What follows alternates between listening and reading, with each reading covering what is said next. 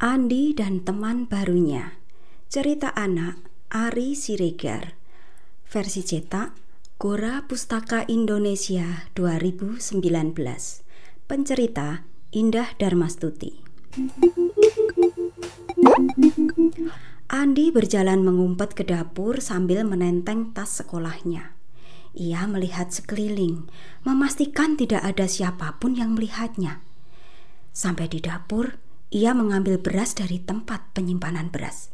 Dimasukkannya satu liter ke dalam kantong plastik, lalu disimpannya ke dalam tas. Ia tidak tahu ibunya melihat perbuatan itu dari balik tembok ruang tengah mengintipnya sejak tadi. Andi berangkat ya bu Teriak Andi dari pintu samping setelah meninggalkan dapur dan memakai sepatu ia hendak berangkat ke sekolah. Ibunya lantas keluar dari persembunyian, mengejarnya ke pintu samping sambil balas berteriak, "Andi, tunggu dulu!" Andi berhenti dan berdiri di depan pintu menunggu ibunya. Ia menyandang tasnya yang bertambah berat karena seliter beras yang dimasukkannya. "Ada apa, Bu?" Tanya Andi pada ibu yang sudah berdiri di ambang pintu. Ibu tersenyum sekejap, lalu meraih dan mengelus-elus kepala Andi. Kamu tidak bawa bekal kan? Ini ibu kasih uang saku. Siapa tahu nanti kamu lapar di sekolah dan ingin beli jajan. Tapi jangan jajan sembarangan ya. Kata ibu sembari memberikan selembar uang lima ribu rupiah. Andi tentu saja menerima uang itu dengan senang hati, lalu berangkat ke sekolah setelah mencium punggung tangan kanan ibu. Lantaran sekolahnya tidak jauh, Andi berangkat sendiri berjalan kaki. Ia tidak pernah mau lagi diantar ayah atau ibu sejak naik kelas 3. Sekarang, ia sudah duduk di kelas 5. Begitu Andi keluar dari halaman rumah, Ibu ternyata diam-diam mengikuti Andi, berjalan agak jauh di belakangnya. Ibu mengikutinya karena ingin tahu mengapa tadi ia mengambil beras di dapur. Apakah akan diberikan kepada orang lain sebelum masuk sekolah? Tanya ibu dalam hati.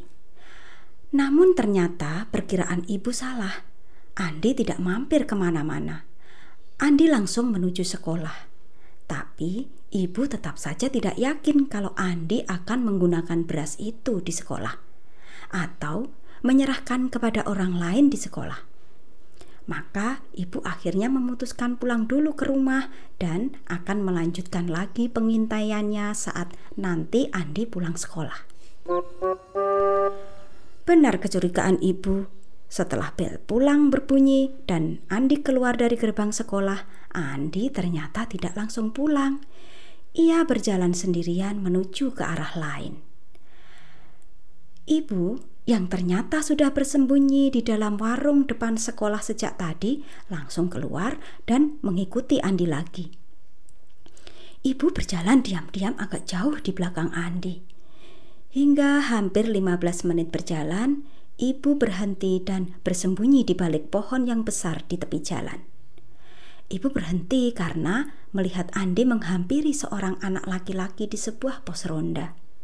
Anak laki-laki yang dihampiri Andi itu terlihat lebih tua dari Andi. Tubuhnya juga terlihat lebih tinggi dan besar. Ia menyambut kedatangan Andi dengan senyum yang sangat ramah. Tapi penampilan anak laki-laki itu membuat ibu khawatir. Ia tampak kotor dan lusuh bercelana pendek dan kaos oblong yang sudah compang-camping. Ibu menduga ia pasti bukan anak sekolah.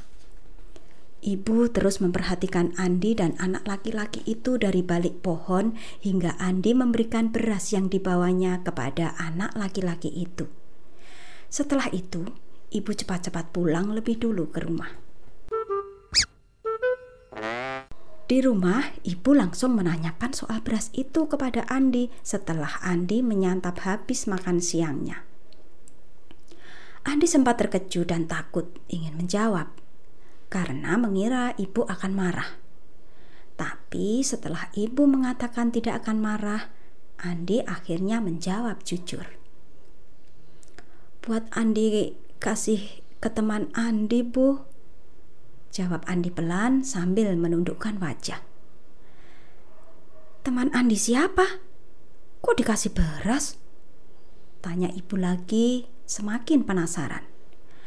Andi sempat bingung mau menjawab apa, tapi akhirnya ia menjelaskan pelan-pelan tentang siapa temannya itu. Hmm, namanya Lindu, Bu. Dia pemulung. Dia cuma tinggal dengan ibunya di rumah kardus di pinggir sungai dekat sekolah. Ibunya sakit, nggak bisa berjalan lagi. Uh, Andi sudah beberapa kali kasih dia uh, beras dan kadang Andi bawain bekal Andi juga buat dimakan bareng-bareng sama dia. Oh, terus? Kenapa dikasih beras sama bekal, Andi? Hmm, karena dua minggu lalu dia nolongin Andi dari anak-anak jahat, Bu. Anak-anak jahat? Tanya ibu dengan raut wajah terkejut. Iya bu, anak-anak SMP yang sering memalak uang saku Andi setiap kali pulang sekolah. Waktu Andi digangguin sama mereka dua minggu lalu, Lindu nggak sengaja lihat dan langsung menghajar mereka. Berkat Lindu, Andi nggak pernah digangguin anak-anak nakal itu lagi, Bu. Ibu benar-benar tidak tahu kalau ternyata Andi sering diganggu dan dipalak anak-anak nakal. Ibu sedih, tapi senang juga karena ternyata Andi mendapatkan teman baik, yaitu Lindu. Ibu kemudian beranjak memeluk Andi. Dalam pelukan ibu, Andi berkata, "Sebenarnya Andi sering coba kasih Lindu uang jajan Andi, tapi Lindu menolak. Makanya Andi kasih beras. Andi sedekah seperti ibu." Ibu tersenyum menatap wajah Andi yang juga tersenyum. Ibu mencium kening Andi lalu berkata, "Ya sudah, Besok ajak Lindu kemari ya. Kalau dia mau sekolah, ibu akan bantu biaya sekolahnya. Kita bersedekah buat dia. Benar, Bu. Asik. Andi berteriak kegirangan.